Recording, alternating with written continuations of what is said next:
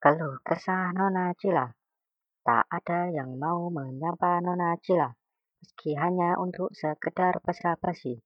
Bukan karena Nona Cila angkuh atau tak ramah, hanya saja setiap kali disapa Nona Cila akan menanggapinya dengan keluh kesah.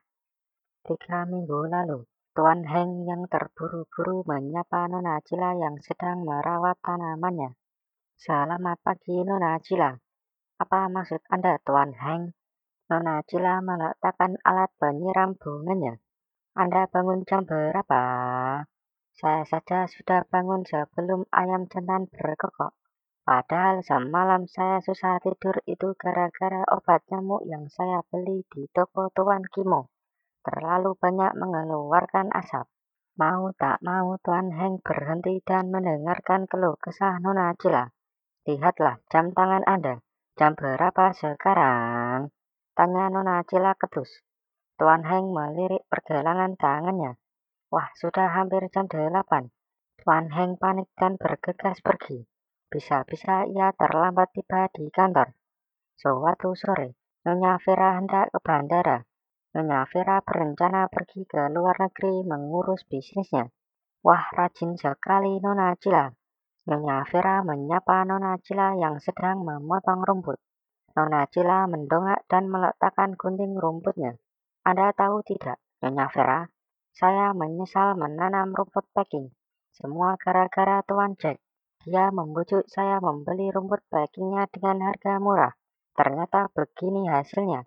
Saya harus sering-sering memangkas dan mencabut tanaman liar yang tumbuh di antara rumput. Harusnya saya membeli rumput kejam ini, biarpun harganya lebih mahal, tapi hasilnya lebih bagus. Nona Cila menggerutu. Nyonya Vera jadi tidak enak hati. Tadinya ia hanya ingin menyapa sebagai tetangga, tetapi malah harus mendengarkan keluh kisah Nona Cila. Nyonya Vera semakin tak enak hati karena Tuan Jack adalah penjual bunga langganannya. Tapi bukankah Tuan Jack orang yang ahli pertamanan Nona Cila?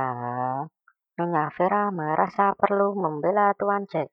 Mungkin Tuan Jack menyesuaikan keadaan tanah di Taman Nona Cila, atau disesuaikan dengan model rumah Nona Cila. Hah? Nona Cila mendengus. Pasti bukan karena itu. Tuan Jack menganggap aku tak punya cukup uang untuk membeli rumput kejam ini. Nyonya Vera kehabisan akal. Tak ada gunanya berdebat dengan Nona Cila. Nona Cila selalu berprasangka buruk kepada orang lain. Oh, aku bisa ketinggalan pesawat. Nyonya Vera melihat jam tangan mewahnya. Minggu siang, pembantu Nyonya Arleta hendak ke toko roti membeli kue-kue kering untuk tamu. Permisi Nona Cila, Benar-benar siang yang panas ya. Bibi Lina menyapa ramah. Nona Cila sedang santai sambil kipas-kipas di teras rumah. Musim panas tahun ini memang menyebalkan. Nona Cila berdiri dan menghampiri Bibi Lina. Bi, lihat kan, tanaman saya pada mati. Rumput kering kerontang, padahal setiap hari sudah saya sirami. Belum lagi angin yang bertiup seenaknya membawa debu ke dalam rumah. Nona Cila mengetuk-ngetuk kipas ke pagarnya. Bibi Lina menjadi serba salah. Ia tak berani menanggapi keluh kesah Nona Cila.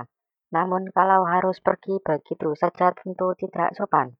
Sudah seminggu ini, tak ada orang yang lewat di depan rumahku. Gumam Nona Cila suatu sore. Sepertinya semua orang menghindari lewat di depan rumahku. Batin Nona Cila. Nona Cila merenung mengingat kembali apa yang telah dilakukannya kepada orang-orang. Gumamnya, sebenarnya Nona Cila hanya butuh orang yang mau mendengarkan keluh kesahnya. Ah, kalau saja Nona Ros masih di sini. Nona Ros adalah sahabat Nona Cila. Hanya Nona Ros satu-satunya orang yang memahami sifat Nona Cila. Bulan lalu, Nona Ros pindah ke kota lain karena pindah tugas. Nona Cila terisak. Ia sangat merindukan Nona Ros. Nona Cila membuka lemari bukunya. Tangannya meraih sebuah benda yang terbungkus rapi. Benda itu kenang-kenangan dari Nona Ros. Karena sedih harus berpisah, Nona Cila belum membukanya. Apa ini? Gumam Nona Cila. Sebuah buku bersampul biru warna kesukaan Nona Cila.